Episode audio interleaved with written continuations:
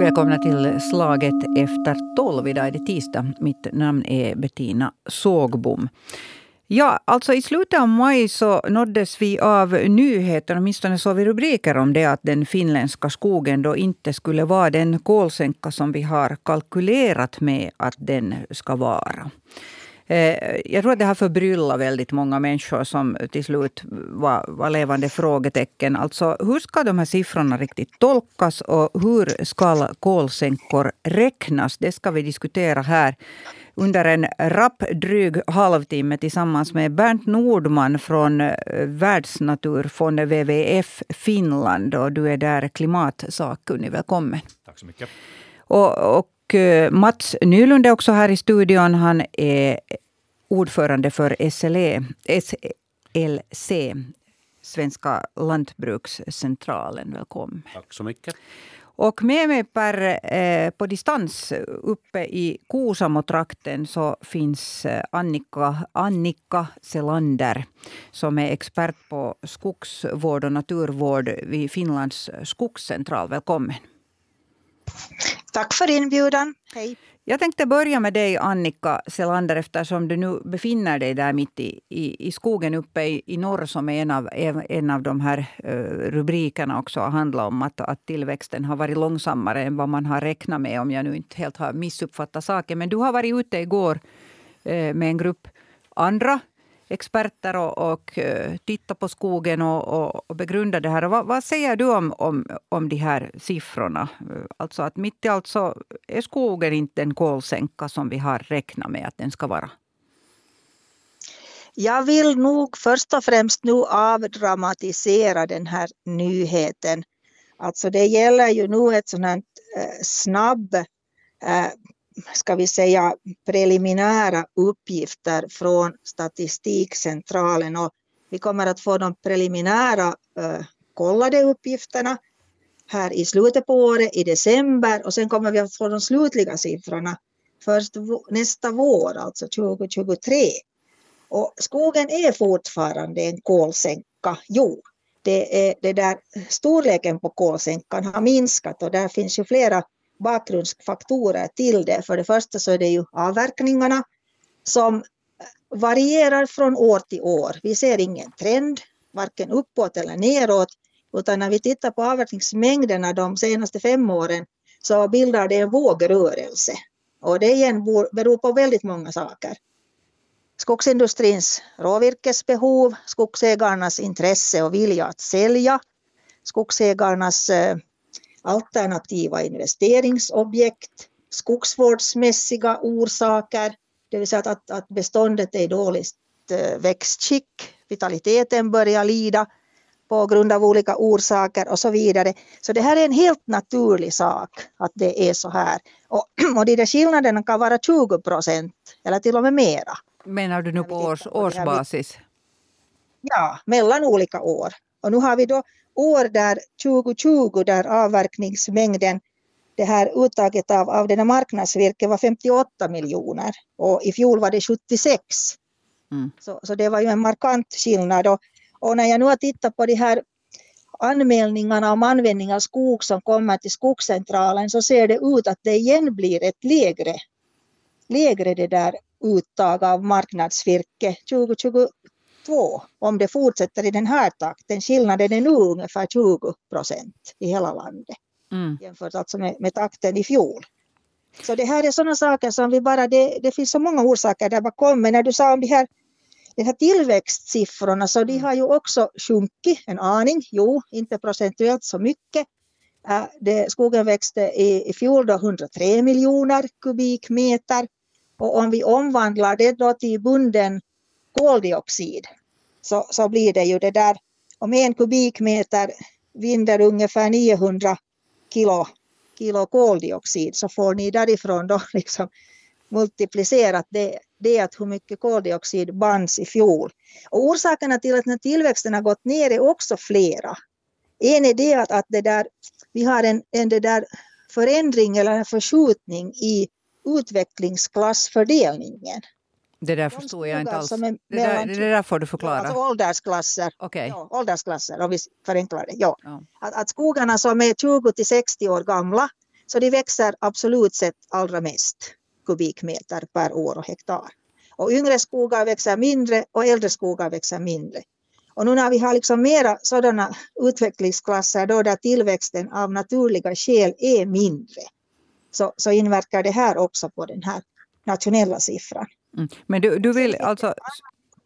Summan av kardemumman är att du vill avdramatisera. Du menar att de här siffrorna nödvändigtvis inte är utslagsgivande? Mm. Man ska inte titta på ett år utan man borde titta på längre tidsperioder. Men då, då ger jag ordet här till, till Bernt Nordman nu först av, av herrarna som finns här i studion med mig, alltså som representerar klimatkunskapen i, i WWF Finland.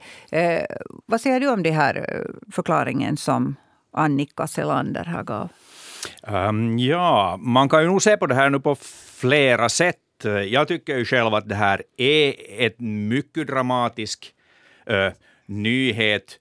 Uh, det att uh, virkesmängden ökar mindre än man har räknat med är mycket alarmerande och, och, och det där det torde inte vara frågan om någonting, någonting tillfälligt. och, och, och det här, den här Eh, höga avverkningsnivån eh, 2021 så, så det där tog torde ju nog fortsätta om inte vi, vi, vi ändrar politiken i, i och med att importen från, virkesimporten från Ryssland är, är, är slut, så att det finns ju nog ett, ett hårt tryck på våra skogar. Och, och det som framför allt är dramatiskt här så är ju att äh, Finland är är E, e, en del av EU och, Finland har förbundit sig till en viss nivå av kolsänkor i, i skogen. Och, och, för tillfället så är skillnaden mellan, mellan den här nivån som, som, som eh, vi ska uppnå enligt EUs LULUCF-förordning, ungefär 20 miljoner ton, megaton alltså. Och, och, och det där, om, eh, om den här trenden fortsätter nu så, så kommer då Finland om, om, om några år att vara tvungen att, så att köpa kolsänkor från andra länder om de ens säljer någonting åt oss. Det, det är alltså en, en, en bindande lagstiftning och, och det där, den här trenden är alltså helt ohållbar. Så att uh, någonting måste nog göras. Mm. Eh, Mats Nylund, jag ger ordet till dig nu. Alltså, eh, man kan ju fråga sig här också, alltså SLC representerar det ju både alltså jordbruk och skogsbruk. Och, och det, där, det här är säkert era medlemmars intresse, den här frågan också. Men, men det där... Um, varför, varför är det just då skogen som, alltså, som ska, ska, ska erbjuda de här kolsänkorna? Att, att man kan ju, det har talats i år om att, att och även annan form av markbruk borde bidra till. Så är det. Ja. Eh, vi har, det som, det som liksom uppfattas som dramatiskt ur min synvinkel här så är ju just det att vi för första gången när vi har sett i här statistiken har en situation där hela markanvändningssektorn, alltså skog och all annan markanvändning, jordbruk inkluderat, inte är en kolsänka. Om man tittar mm. tio år bakåt så har skogen gjort att vi har lyckats binda ungefär en tredjedel i genomsnitt av alla våra utsläpp i växande skog. Och den trenden har i oss för sig inte ändrat men den, den är långsammare. Och jag skulle säga på det här sättet, när jag, när jag då har följt med till exempel de här riksskogstaxeringarna, det är nu trettonde riksskogstaxeringen som är gjort. Vi har bäst koll i hela världen på vad som finns i våra skogar. Så, så det här, där har skogstillväxten har minskat. Mm. Annika nämnde det som sannolikt. Jag använder termen sannolikt. Den viktigaste orsaken, alltså att våra skogar är äldre. Av tillväxten har avtagit. Men där kan vi faktiskt göra en hel del. Till exempel gödsling av skog med aska är ett sätt att mycket effektivt höja tillväxten. Det måste bara göras hållbart på ett sådant sätt så att vi inte äventyrar den andra stora frågan, nämligen den biologiska mångfalden. Eh, Bernt sa, nämnde här att, att användningen av, av virke att den ser ut att vara hög. Det är möjligt. Men hittills i år så har industrin, jag menar vi är ändå en bra bit in i juni, nästan halva året har gått. Hittills i år har industrins inköp varit 29 procent mindre än för ett år sedan, samma tidpunkt. Alltså nästan en tredjedel mindre virke har man köpt 2022 än 2021. Det betyder inte att man använder nödvändigtvis en tredjedel mindre virke, men att inte det alls... Det, jag skulle till och med säga att det är osannolikt att vi har motsvarande siffror när ett år har gått. Mm. Eh, Annika eh, Selander, jag ger ordet till dig nu. Vad, vad tänker du om de här Eh, förslagen som har lyfts fram här. Jag, du får kommentera fritt så som du vill förstås, men att, att jag fäster mig vid, här, vid, vid Mats Nylunds till exempel eh, prat här om att gödsla skogen med aska.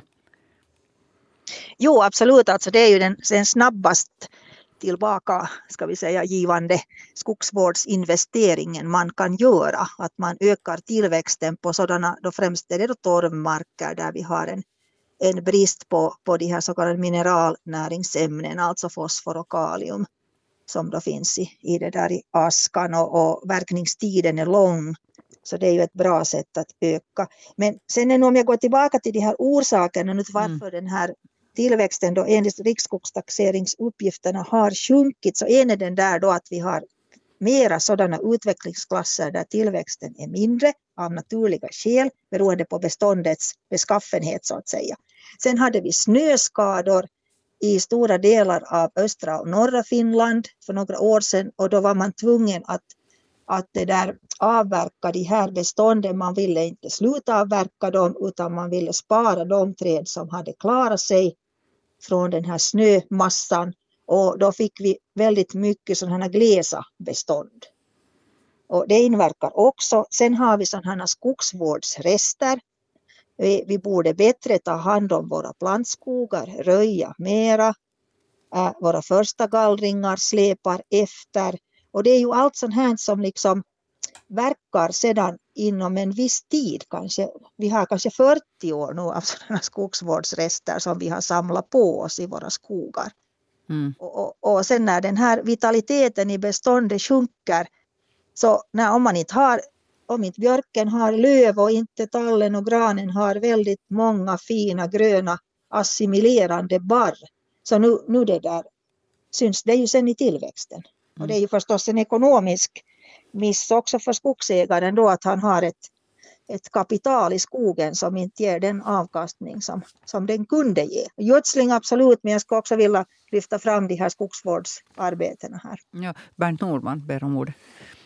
Mm. Jo, det som, det som ju är väldigt dramatiskt här är att, eh, så att säga, Finlands klimatpolitik också på längre sikt har, har byggt på den här tanken att uh, markanvändningssektorn ska vara en, en kolsänka. Till exempel det här målsättningen som nu skrevs in i, i klimatlagen, att Finland ska vara kolneutralt 2035, mm.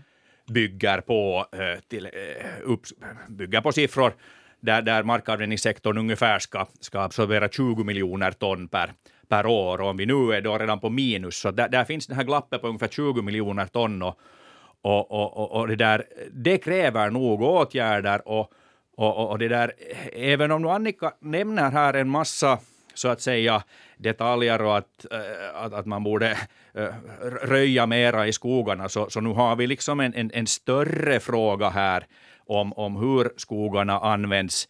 Eh, det är inte bara det att vi har en del gamla skogar, utan det handlar nog väldigt mycket om det att, att vi har slutat avverka så väldigt mycket skogar de senaste decennierna. Vi har också väldigt mycket av de här riktigt unga, unga bestånden som inte ännu binder så mycket, mycket kol per, per hektar. Tvärtom så har man ännu inte ens lyckats komma tillbaka till en nivå där man... Hur gammal måste skogen bli för att, för att den ska börja bli en kolsänka? Uh, det är en bra fråga. Uh, det bästa skulle vara egentligen att odla kontinuerligt, så att säga, att inte kalavverka utan, utan använda plockavverkning. Då, då, då hålls också kolet som är bundet i marken uh, kvar. Problemet med, med kalavverkning i skogsbruket är ju att Eh, att när man kalavverkar så för att få ett nytt bestånd så måste man, måste man göra markberedning. På torrmarker måste man dika, vilket gör att all de väldiga mängder kol som finns i marken eh, försvinner upp i, upp i atmosfären. Eh, så, så det där, vi, vi borde egentligen nog tänka om eh, skogsbruket, åtminstone på torvmarker och, och, och också på, på många, många mineralmarker. Men, men, du gav inget år nu åt mig? No, Annika mm. tror jag kan, kan det bättre. Mm. Men, men, jag vill också att Annika ska, när Annika svarar så är det viktigt att hon, hon så att säga inte bara tänker på det kolet som är bundet i, i virket, utan, utan eh, en stor del av kolet i skogarna är ju faktiskt i, i skogsmarken. Och det mm. kan ta liksom decennier, till och med hundratals år innan kolet i skogsmarken återställs till Mm. Nu har Mats Nylund bett om ordet, men jag skulle bara vilja att, att Annika eh, ger någon sorts år åt mig på den punkten. Låt oss säga att det är nyplanterad skog. Hur lång tid tar det före den blir en kolsänka? Jag har sett siffror från Sverige, men vad gäller i Finland? Ungefär 15 till 20 mm. år. Det beror förstås på växtplatsen och sen att hur tätt beståndet är, alltså hur bra det Mm. Det utnyttjar tillväxtpotentialen. Men det här med markberedning så det är inte heller så där enkelt att när man markbereder så ger man plantorna en bättre start. Och, och de kompenserar nog det där markandningen som då uppstår när man blottar mineralmarken, att det här är nog ett övergående system. Sen vill jag nog kommentera lite det här med torvmarker. Jo, absolut, jag har samma åsikt att vi måste styra om vårt skogsbruk på torvmarker och det jobbas väldigt mycket både på Naturresursinstitutet och Skogscentralen och på många andra håll också. Och, och det där målet är där kort sagt att hålla grundvattennivån så oföränderlig som möjligt. Att om vi sänker den för mycket så att det inte mera liksom gagnar trädens tillväxt ens, så då får vi koldioxidutsläpp eftersom torven börjar brytas ner och då andas den. Och sen igen om vi har en hög, väldigt hög grundvattennivå så får vi metanutsläpp. Alltså det är en balansgång här nu mellan att träden växer bra, rötterna har tillgång till syre, men att vi inte liksom börjar, börjar det där, ändra på det där väldigt mycket. Och där är den här Eh, kontinuerliga beståndsvården, alltså plock och luckhuggningar, är ett mycket bra sätt att, att hålla den här vatten, vattenhushållningen i schack. Men sen om vi tänker på mineralmarker så, så tillväxten i en sån här kontinuerlig beståndsvård skog så är ju ska vi säga, ganska så där på samma nivå hela tiden eftersom vi inte har omloppstider utan vi räknar med att vi får får nya plantor på naturlig väg. Men eftersom beståndet består av färre träd och kanske mindre träd så är ju tillväxten hela tiden på en lägre nivå. Så om man jämför då ett, ett skogsbruk där vi tar upp förnyelseytor, planterar in nya plantor, börjar röja och gallra och så vidare. Så det är liksom plus minus och noll skulle jag säga. Att den där skillnaden är inte om man tittar på ett tidsperspektiv på 60 eller 70 år. Så ja, det är precis detsamma. Om, om du tar med kolet bundet i marken så blir det, blir det betydligt mera plus. Det där har du nog väldigt svaga vetenskapliga belägg för. Jag, jag tänkte säga så här att när det gäller det kontinuerliga skogsbruket så inte säger jag nu direkt att det är en myt, för på torvmarker så håller jag faktiskt med Bernt här, att slipper man att dika så är nog den kontinuerliga, alltså den konstanta skogsskötseln god. Men vi har nog inte överhuvudtaget tillräckligt goda, verifierbara vetenskapliga belägg för att kontinuerlig skogsvård generellt skulle öka kolbindningen. Tvärtom så är det väldigt mycket som talar emot det. Och det tycker jag att vi lever ganska mycket med sån här mytspridning i debatten om skog. Till exempel det att gammal skog skulle vara en skor, stor kolsänka. Det stämmer inte. Tillväxten avtar starkt efter 60 års ålder i norra Finland 80 år i mitten av landet och 100 år i södra Finland. Och då minskar effekten av kolsänka. Kolsänka är ju så enkelt så när virkesbeståndet i våra skogar, biomassan totalt ökar, då binder du mera kol. Och det finska skogsbruket har sedan 60-talet inte nu riktigt fördubbla mängden virke i våra skogar, men 1,7-1,8 gånger till de 2,5 miljarder kubikmeter vi har idag. Det är bundet kol. Den kan inte fortsätta i all oändlighet det här. Det kommer en biologisk gräns emot hur mycket kol ryms det i de finska skogarna. Så vi kan inte heller betrakta det som att inte avverka skulle vara en lösning på klimatproblematiken, för det är det inte. Inte våra skogar någon slags sån här avstjälpningsplats för att vi ska kunna fortsätta att använda fossila bränslen som kol och olja.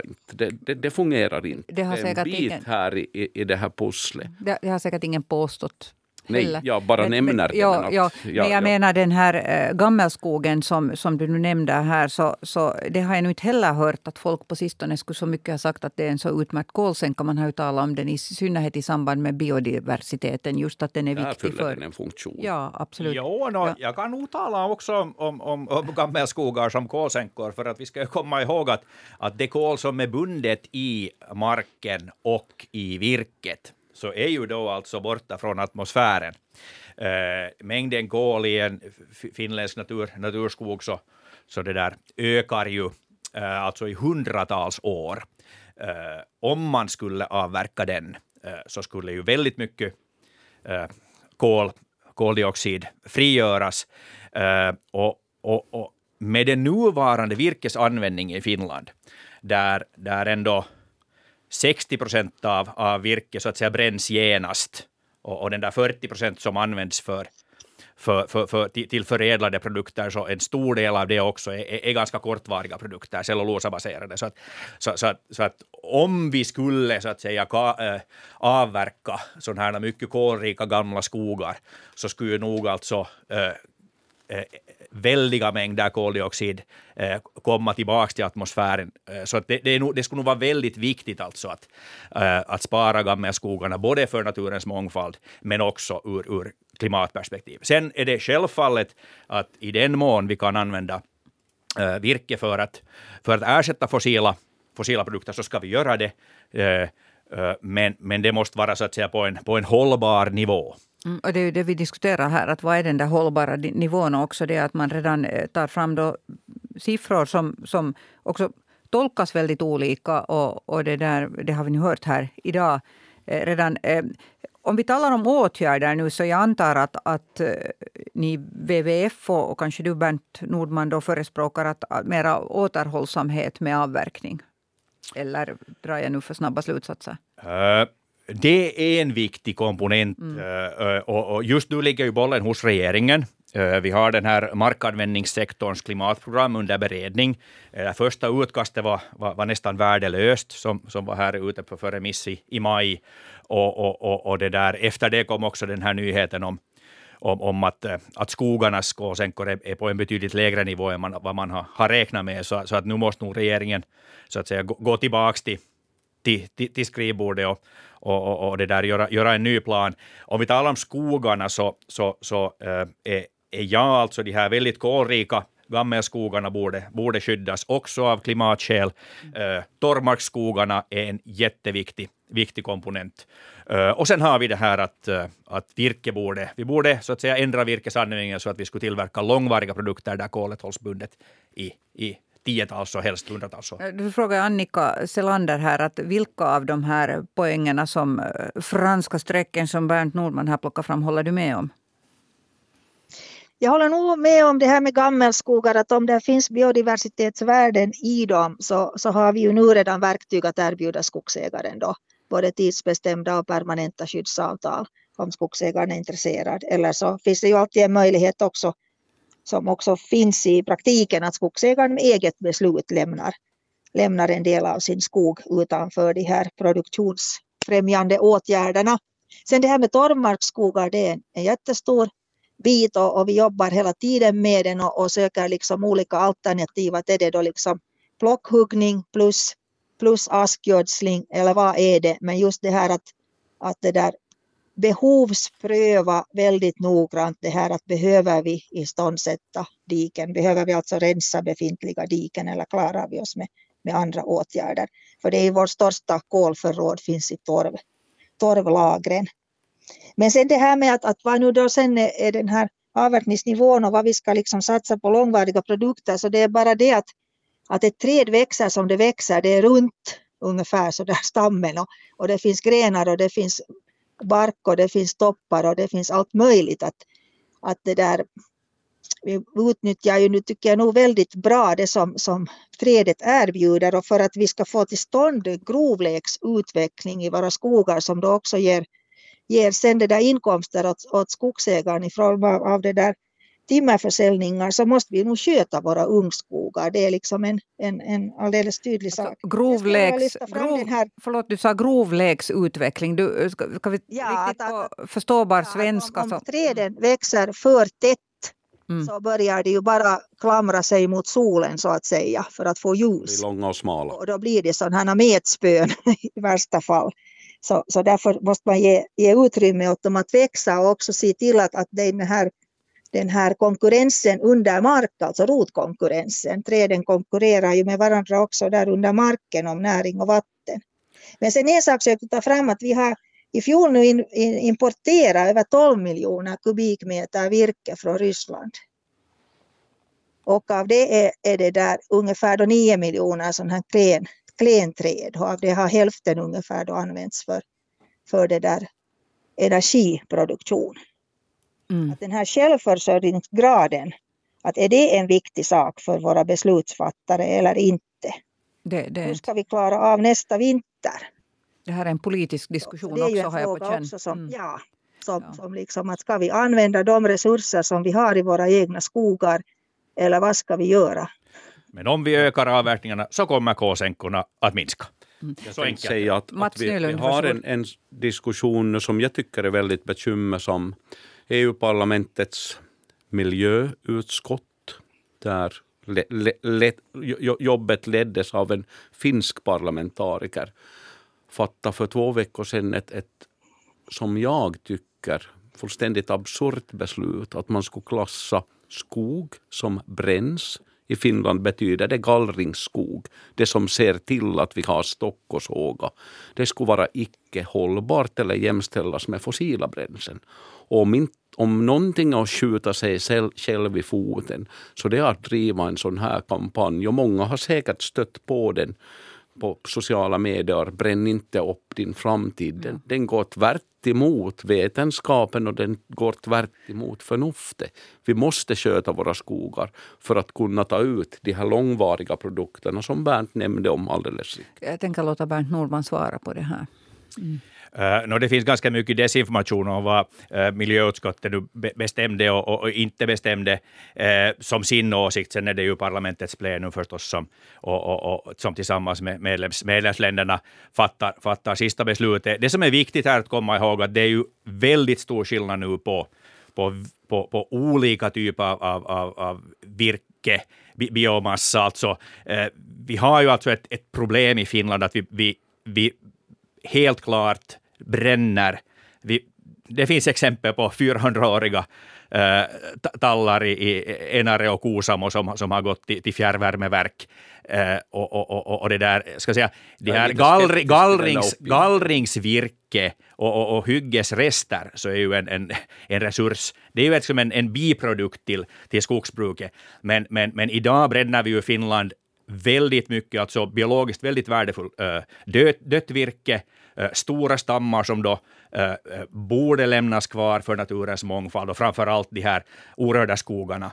Och, och, det är ju det här alltså man vill, vill komma åt. Och, och, och ja, vi, vi alla seriösa aktörer borde nog erkänna att vi har ett problem i Finland. Och det här är ju det som man också på EU-nivå... För, för problemet gäller inte bara Finland, det är alla länder och det är därför vi behöver EU-lagstiftning som äh, äh, åtgärdar det här problemet. Så, så det är nog en, en, en, en, en viktiga signaler från, från, från Bryssel som Priset på en grov stock är mångfaldigt. Det är inte dubbelt eller tre gånger priset på flis. Vem skulle bränna såna där. Till exempel i Kuusamo så finns det ett fjärrvärmeverk som, som gärna köpte sånt. Mycket tveksamt. Det finns dokumenterat i Hesari. Jo, alltså jag, jag har nog bekantat mig med själva nyheten också. Som, sådär, så sen att beroende, vi kan inte här börja, börja gå igenom bevisföringen, men en sån tidningsartikel har, har publicerats. Där har Bernt, Bernt Nordman helt rätt. Men Annika Selander, du har hört den här diskussionen här nu om, om mellan de här eh, Mats Nylund och, och Bernt Nordman här i studion. Hur skulle du vilja kommentera de här eh, påståenden som kom fram här? No, naturvårdsträd och död ved är inte energived. Det tror jag att vi alla håller, håller med om. Men jag tror mera på upplysning och rådgivning och diskussion här på hemmaplan än, än den här EU-styrningen. Vad, vad skulle den upplysningen gå ut på? Vad, vad, vad är du liksom ute efter? Tala med entreprenörer, tala med virkesköpare och så vidare. Vi, vi det där har ju en kampanj nu i, i Skogscentralen Energi från skogen där vi också tar fasta väldigt allvarligt nu på de här biodiversitetsfrågorna. Just eh, grova säljar, aspar, alar och så vidare skulle gärna få stanna kvar där i skogen och inte bli, inte bli det där flis, flisved. Att det, där, det finns mycket som man kan göra med att motivera, också skogsägarna kan ju själva också märka ut för en avverkning vad de vill spara. Att det är många skogsägare som inte riktigt ännu har tagit liksom saken i sina egna händer. De tänker att det är någon annan som bestämmer vad som ska sparas i deras skog och det är ju faktiskt alldeles de själva som gör det. Det, det är nog många som ger råd. Mera, det jobbar vi No, det också, ja. Men sen också att skogsägarna skulle bli krävande kunder och säga att nu vill jag ha det så här. Eh, det är ett gott råd att ge alltså till de som äger skog och som funderar på avverkning. Alltså att bli krävande kunder. Precis, ja. Mm. De är det, de är det inte idag då? No, en del är och andra är inte. Vi får hela tiden in nya skogsägare som antingen har köpt eller ärvt skog eller så vidare. Så, så vi har liksom en stor uppgift framför oss. Men jag just tror att, att när man motiverar och berättar och det är inte ofta fråga om något inkomstbortfall ens eller några tekniska omöjligheter utan det är mera det här att det i planeringsskedet skulle tas i beaktande. Mm. För de allra flesta skogsägare, åtminstone när de uttalade i gallupar, så har skogen ett annat värde. Så Annika och Bernt har nog rätt i det att man kan med upplösning åstadkomma en hel del som inte rubbar nationalekonomin men som kan stärka i det här fallet både kolbindning och biodiversitet. Jag vet inte om vi är på sidan om ämnet nu. Men att Nej, inte, inte, vi, inte vi helt och hållet. För det är en väldigt känslomässig fråga också, skogen. Och I Finland så ägs en stor del av skogarna verkligen av privatpersoner. Och därför så många har en stark också eh, känsla för den där skogen. Men de upplever kanske att de inte förstår sig på att de inte vet. Och så kanske de bara utlokaliserar det här så här att någon annan vet bättre. Mm. Jo, jag, jag håller med om att rådgivning är jätte, jättevärdefull. Så att säga, problemet är ju det att när vi tittar i backspegeln så historiskt sett har, har ju man idkar rådgivning i, i, i tiotals år, eh, men, men, men, när man sen ser vad som händer ute på fältet så, så, så, så har nog inte budskapet om, om, om, klimathänsyn och naturhänsyn riktigt gått fram ännu. Så, så, så det där, jag, jag, jag hoppas verkligen att till exempel Skogscentralen där, där Annika jobbar och, och, och, och skogsägarorganisationer som, som, som Mats leder då så att säga eh, förnyar och ändrar sin rådgivning ganska fundamentalt för att det är det som behövs. Och sen tror jag nog att vi också, också behöver alltså eh, till exempel på EU-nivå alltså lagstiftning och till exempel den här LULUCF-förordningen som, som, som ger varje ålägger varje, varje medlemsland eh, skyldighet att uppnå en viss kol, kolbindningsnivå, kolsänkarnivå. Så den, den, det är jätteviktigt för att, för att det, där, det, det behövs bindande Eh, bindande krav också, för att det annars, annars är det lätt att man bara fortsätter som förut. Den här certifieringen så kan vi ta till en annan diskussion och vi kommer inte att hinna, hinna gå in på det så här nu idag. Eh, det som vi också kommer en annan gång säkert att diskutera är annan markanvändning och det har ju talats mycket till exempel om hur man gör kol, alltså jordbruket kolneutralt i framtiden. Det finns massor med intressanta projekt på gång på den fronten och det måste vi ta upp någon annan gång. Här tar tiden slut idag. Du Bernt Nordman är också rusar vidare vidare till nästa uppdrag här nu. Och det kanske Mats Nylund och Annika Selander också gör. Jag tackar er alla för, de, för deltagande. Annika Selander alltså äh, representerar Finlands skogscentral, Bernt Nordman WWF i Finland och Mats Nylund SLC. Och, äh, mitt namn är Bettina Sågbom och, äh, och vi återkommer här med slaget efter tolv imorgon samma tid, samma kanal. Tack.